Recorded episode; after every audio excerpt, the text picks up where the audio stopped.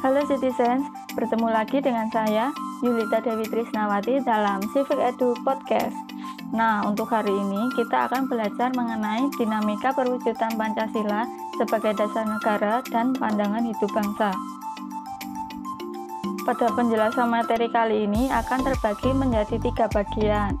Yang pertama, yaitu mengenai penerapan Pancasila dari masa ke masa yang meliputi periode awal kemerdekaan, periode Orde Lama, periode Orde Baru, dan periode reformasi. Yang kedua, mengenai nilai-nilai Pancasila sesuai dengan perkembangan zaman yang meliputi hakikat ideologi terbuka serta kedudukan Pancasila sebagai ideologi terbuka. Dan yang ketiga yaitu mengenai perwujudan nilai-nilai Pancasila dalam berbagai kehidupan. Bagian yang pertama yaitu penerapan Pancasila dari masa ke masa. Pada awal kemerdekaan Indonesia yaitu tahun 1945 sampai 1950, Pancasila mendapat banyak tantangan dari berbagai pihak seperti Belanda. Bahkan dari masyarakat Indonesia sendiri ada yang ingin menggantikan Pancasila sebagai dasar negara. Terdapat upaya-upaya pemberontakan terhadap NKRI di sejumlah tempat, yaitu sebagai berikut. Yang pertama, pemberontakan PKI di Madiun tahun 1948. Pemberontakan Partai Komunis Indonesia atau PKI dipimpin oleh Musso. Tujuannya mendirikan negara Soviet Indonesia yang berideologi komunis atau mengganti Pancasila dengan paham komunis, namun dapat digagalkan. Yang kedua, pemberontakan DITII di Jawa Tengah dan Jawa Barat. Pemberontakan DITII dipimpin oleh Sekar Maji Marijan Kartosuwiryo, ditandai dengan didirikannya Negara Islam Indonesia pada 7 Agustus 1949. Pemberontakan ini bertujuan mengganti Pancasila sebagai dasar negara dengan syariat Islam. Namun, gerakan DITII tersebut bertentangan dengan ajaran Islam sebenarnya. Selanjutnya, Kartosuwiryo bersama para pengikutnya bisa ditangkap pada 4 Juni 1962.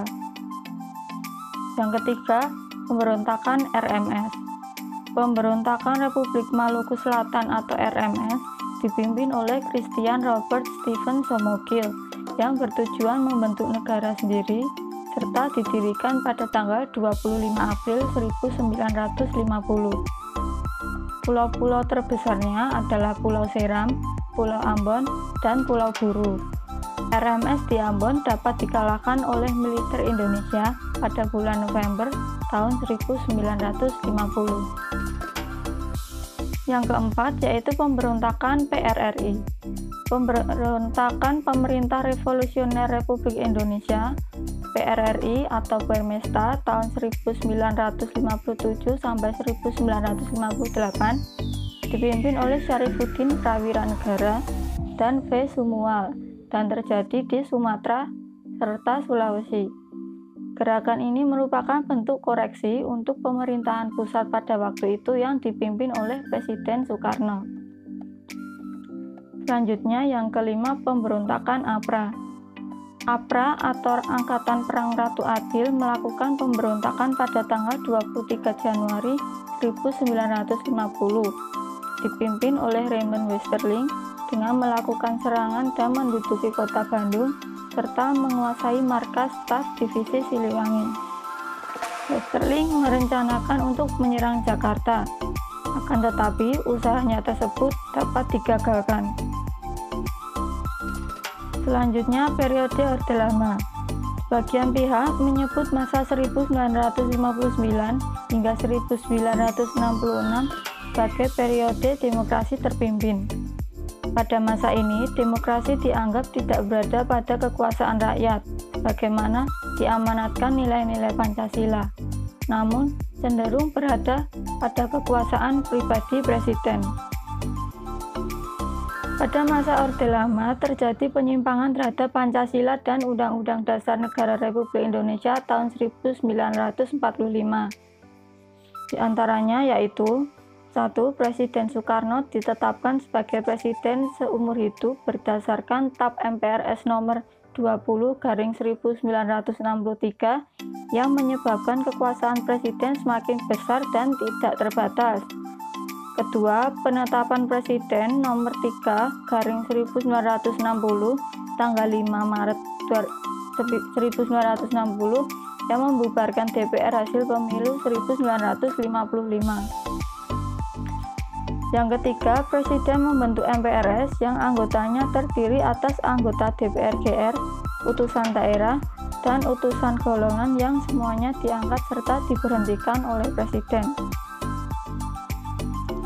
Peristiwa Tritura pada tanggal 12 Januari 1966 terjadi demonstrasi mahasiswa dan rakyat yang menyampaikan Beberapa tuntutan dan demonstrasi tersebut dikenal sebagai tiga tuntutan hati nurani rakyat atau tritura.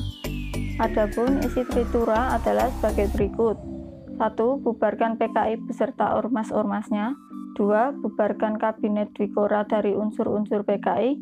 Dan yang ketiga, turunkan harga barang. Selanjutnya, periode Orde Baru pada masa 1966 hingga 1998 disebut sebagai masa Orde Baru.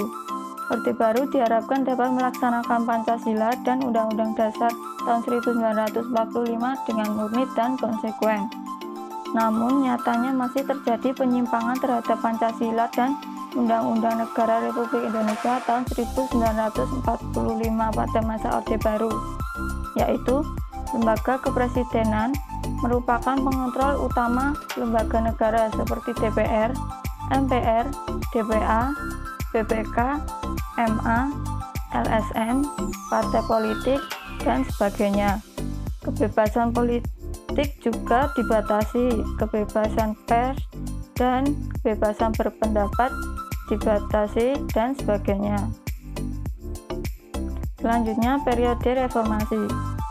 Masa reformasi tahun 1998 sampai sekarang dihadapkan pada kehidupan masyarakat yang serba bebas. Kebebasan masyarakat Indonesia meliputi kebebasan berbicara, berorganisasi, berekspresi, dan sebagainya. Kebebasan tersebut di satu sisi dapat memacu kreativitas masyarakat, tapi di sisi lain juga bisa mendatangkan dampak negatif yang merugikan bangsa Indonesia sendiri. Selanjutnya, bagian kedua yaitu nilai-nilai Pancasila sesuai dengan perkembangan zaman. Yang pertama, hakikat ideologi. Menurut Kamus Besar Bahasa Indonesia, ideologi adalah kumpulan konsep bersistem yang dijadikan asas pendapat yang memberikan arah dan tujuan untuk kelangsungan hidup, cara berpikir seseorang atau golongan. Sebagai ideologi negara, Pancasila merupakan gagasan-gagasan atau ide-ide yang dijadikan sebagai pedoman atau arah dalam mencapai cita-cita bangsa. Setiap bangsa memiliki ideologi yang berbeda sesuai dengan nilai-nilai yang ada dalam kehidupan bangsa. Fungsi ideologi sebagai berikut. Pertama, menjadi pedoman bagi individu, masyarakat, atau bangsa untuk berpikir, melangkah, dan bertindak.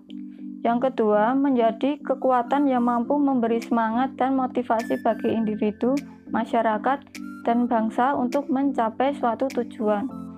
Yang ketiga, menjadi upaya dalam menghadapi berbagai persoalan masyarakat dan bangsa dalam segala aspek kehidupan. Selanjutnya, ideologi terbuka. Menurut Kailan tahun 2005, ideologi terbuka adalah sebagai berikut. Yang pertama, nilai dan cita-citanya tidak dipaksakan dari luar. Dua, nilai-nilai dan cita-cita digali dari kekayaan rohani, moral, dan budaya masyarakatnya sendiri. Yang ketiga, hasil musyawarah dan konsensus masyarakat.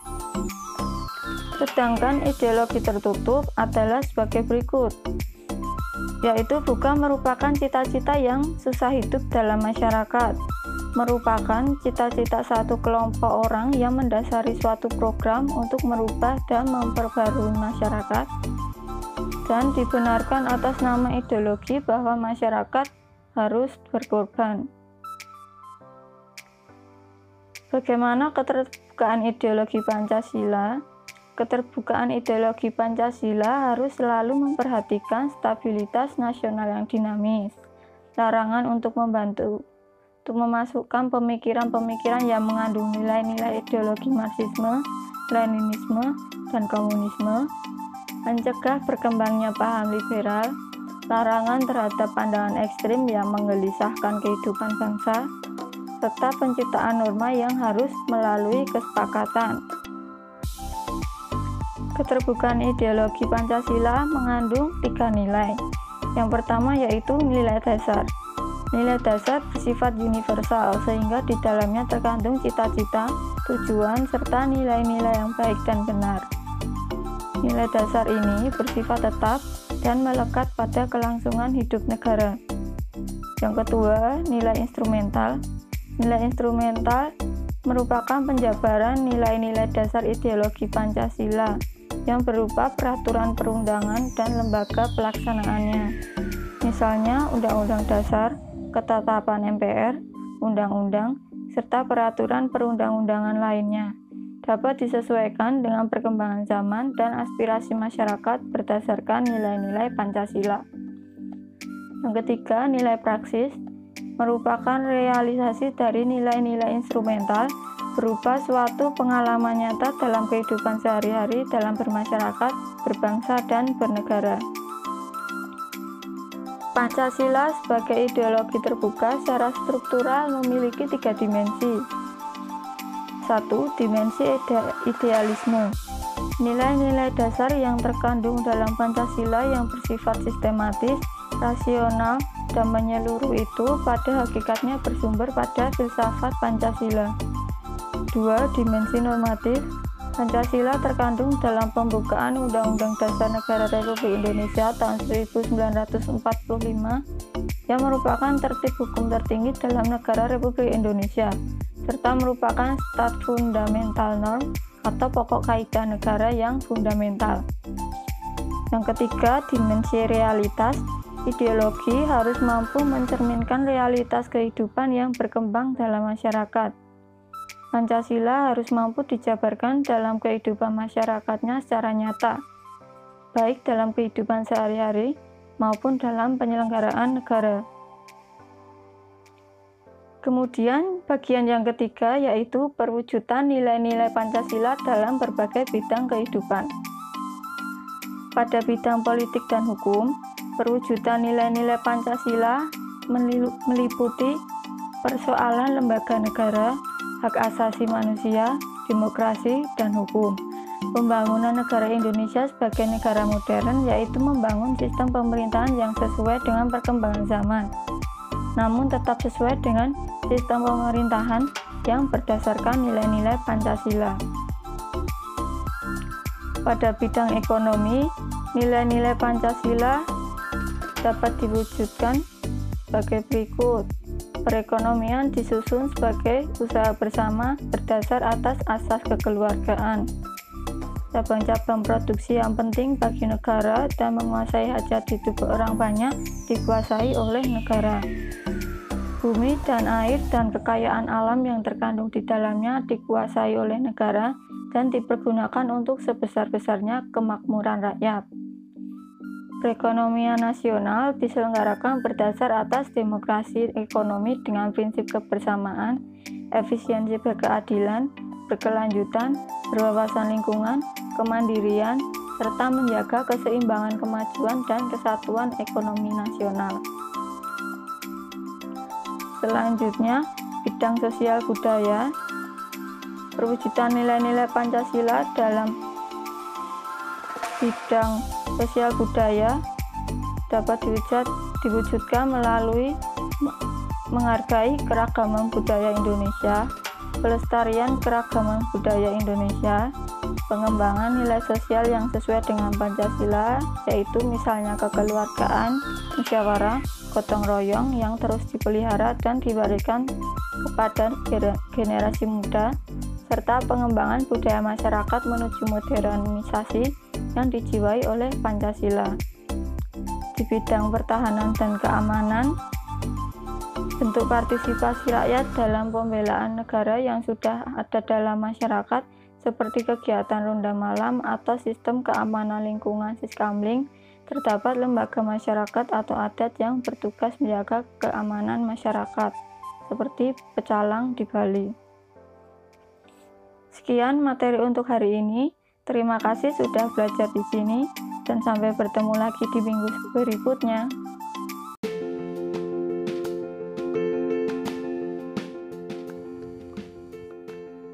Assalamualaikum warahmatullahi wabarakatuh. Halo citizen semuanya, bagaimana kabarnya hari ini? Semoga kalian selalu dalam keadaan sehat ya. Bertemu lagi dengan saya Yulita Dewi dalam Civic Edu Podcast. Pada episode kali ini, kita akan belajar mengenai materi dinamika perwujudan Pancasila sebagai dasar negara dan pandangan hidup bangsa. Nah, untuk memahami materi ini, Tentunya kalian harus senantiasa menjaga semangat belajar dengan tekun, disiplin, serta mampu mengamalkan nilai-nilai Pancasila dalam kehidupan sehari-hari. Selanjutnya, saya akan menjelaskan tentang penerapan Pancasila dari masa ke masa. Dalam sejarah Indonesia, penerapan Pancasila dapat dibagi ke dalam empat masa atau era. Yang pertama yaitu masa awal kemerdekaan tahun 1945 sampai 1959. Pada awal kemerdekaan ini, penerapan Pancasila sebagai dasar negara dan pandangan hidup menghadapi berbagai masalah. Ada upaya-upaya untuk mengganti Pancasila sebagai dasar negara dan penyimpangan terhadap nilai-nilai Pancasila. Apa saja upaya-upaya tersebut? Upaya-upaya pemberontakan tersebut di antaranya satu Pemberontakan Partai Komunis Indonesia atau PKI yaitu terjadi di Madiun pada tanggal 18 September 1948 dipimpin oleh Musso dan bertujuan mendirikan negara Soviet Indonesia yang berideologi komunis. Dua, pemberontakan Darul Islam Tentara Islam Indonesia yang dipimpin oleh Sekar Maji Marijan Kartosuwiryo. Ditandai dengan didirikannya Negara Islam Indonesia atau NII oleh Kartosuwiryo pada tanggal 7 Agustus 1949 bertujuan untuk mengganti Pancasila sebagai dasar negara dengan syariat Islam. Akan tetapi gerakannya bertentangan dengan ajaran Islam yang sebenarnya. 3. Pemberontakan Republik Maluku Selatan atau RMS dipimpin oleh Christian Robert Stephen Somogil bertujuan untuk membentuk negara sendiri dan didirikan pada tanggal 25 April 1950. 4. Pemerintah Revolusioner Republik Indonesia PRRI atau Permesta dipimpin oleh Syarifuddin Prawira Negara dan Vence Sumua pada tahun 1957 sampai 1958 di Sumatera dan Sulawesi. Gerakan ini merupakan bentuk koreksi untuk pemerintahan pusat pada waktu itu yang dipimpin oleh Presiden Soekarno, yang mana pada saat itu sudah tidak bisa lagi diberikan nasihat dalam menjalankan pemerintahan, sehingga banyak terjadi ketimpangan sosial. 5. APRA atau Angkatan Perang Ratu Adil merupakan milisi yang didirikan oleh Kapten KNIL Raymond Westerling pada tanggal 15 Januari 1949. Gerakan APRA bertujuan untuk mempertahankan bentuk negara federal di Indonesia, serta memiliki tentara sendiri bagi negara-negara Republik Indonesia Serikat atau RIS. APRA melakukan pemberontakan pada tanggal 23 Januari 1950 dengan melakukan serangan dan menduduki kota Bandung, serta menguasai markas staf Divisi Siliwangi. 6. Perubahan bentuk negara dari Republik Indonesia Serikat menjadi Negara Kesatuan Republik Indonesia, sedangkan konstitusi yang berlaku pada saat itu adalah Undang-Undang Dasar Sementara 1950 pada masa ini berhasil melaksanakan pemilu pertama di Indonesia pada tahun 1955 yang selama itu dianggap paling demokratis. Tetapi anggota konstituante hasil pemilu tidak dapat menyusun undang-undang dasar seperti yang diharapkan. Hal ini menimbulkan krisis politik, ekonomi, dan keamanan yang menyebabkan pemerintah mengeluarkan Dekrit Presiden 1959 atau Dekrit 5 Juli 1959 yang berisi membubarkan Badan Konstituante, Undang-Undang Dasar tahun 1945 berlaku kembali dan Undang-Undang Dasar sementara tahun 1950 tidak berlaku, serta segera akan dibentuk MPRS dan DPAS. Pada periode ini, dasar negara tetap Pancasila, akan tetapi dalam penerapannya lebih diarahkan seperti ideologi liberal yang ternyata tidak menjamin stabilitas pemerintahan. Kemudian yang kedua yaitu masa Orde Lama tahun 1959 sampai 1966. Periode ini dikenal sebagai periode demokrasi terpimpin. Demokrasi terpimpin merupakan sebuah sistem demokrasi yang seluruh keputusan dan pemikiran dalam pemerintahan negara berpusat pada pemimpin negara. Pemimpin negara saat itu adalah Presiden Soekarno.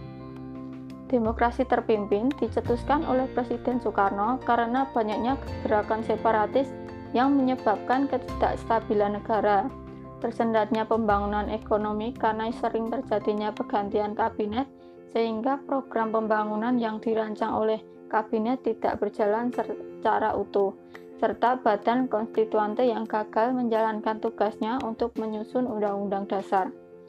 Oleh karena itu, Presiden Soekarno mengeluarkan dekrit presiden pada tanggal 5 Juli 1959.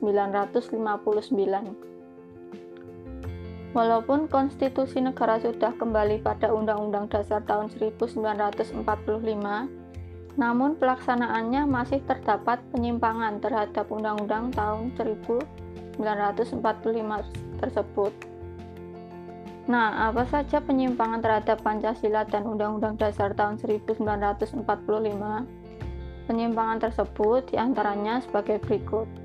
1. Presiden Soekarno ditetapkan sebagai presiden seumur hidup berdasarkan TAP MPRS nomor 20 garis miring 1963 yang menyebabkan kekuasaan presiden semakin besar dan tidak terbatas.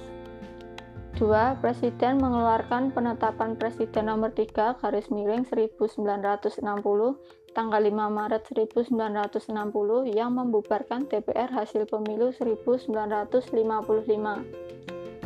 3. Presiden membentuk MPRS yang anggota-anggotanya terdiri atas anggota DPR GR, utusan daerah, dan utusan golongan yang semuanya diangkat serta diberhentikan oleh Presiden. Yang ketiga adalah masa Orde Baru. Era demokrasi terpimpin di bawah pimpinan Presiden Soekarno mendapat tamparan yang keras ketika terjadinya peristiwa tanggal 30 September 1965 yang disinyalir didalangi oleh Partai Komunis Indonesia atau PKI. Pemberontakan PKI tersebut membawa akibat yang teramat fatal bagi partai itu sendiri yaitu dibubarkannya PKI dengan seluruh organisasi di bawah naungannya dan dinyatakan sebagai organisasi terlarang di Indonesia. Begitu juga dengan Presiden Soekarno yang berkedudukan sebagai pimpinan besar revolusi dan Panglima Angkatan Perang Indonesia. Secara pasti, sedikit demi sedikit kekuasaannya berkurang, bahkan lengser dari jabatannya sebagai presiden. Hal tersebut terjadi dengan dikeluarkannya pengumuman penyerahan kekuasaan pemerintah kepada Jenderal Soeharto sebagai pengemban ketetapan MPRS nomor 9 garis miring MPRS garis miring 1966 pada tanggal 20 Februari 1967.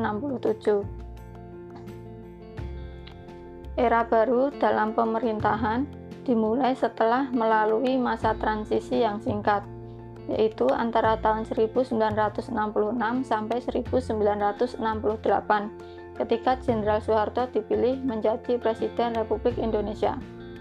Era tersebut kemudian dikenal sebagai Orde Baru dengan konsep demokrasi Pancasila.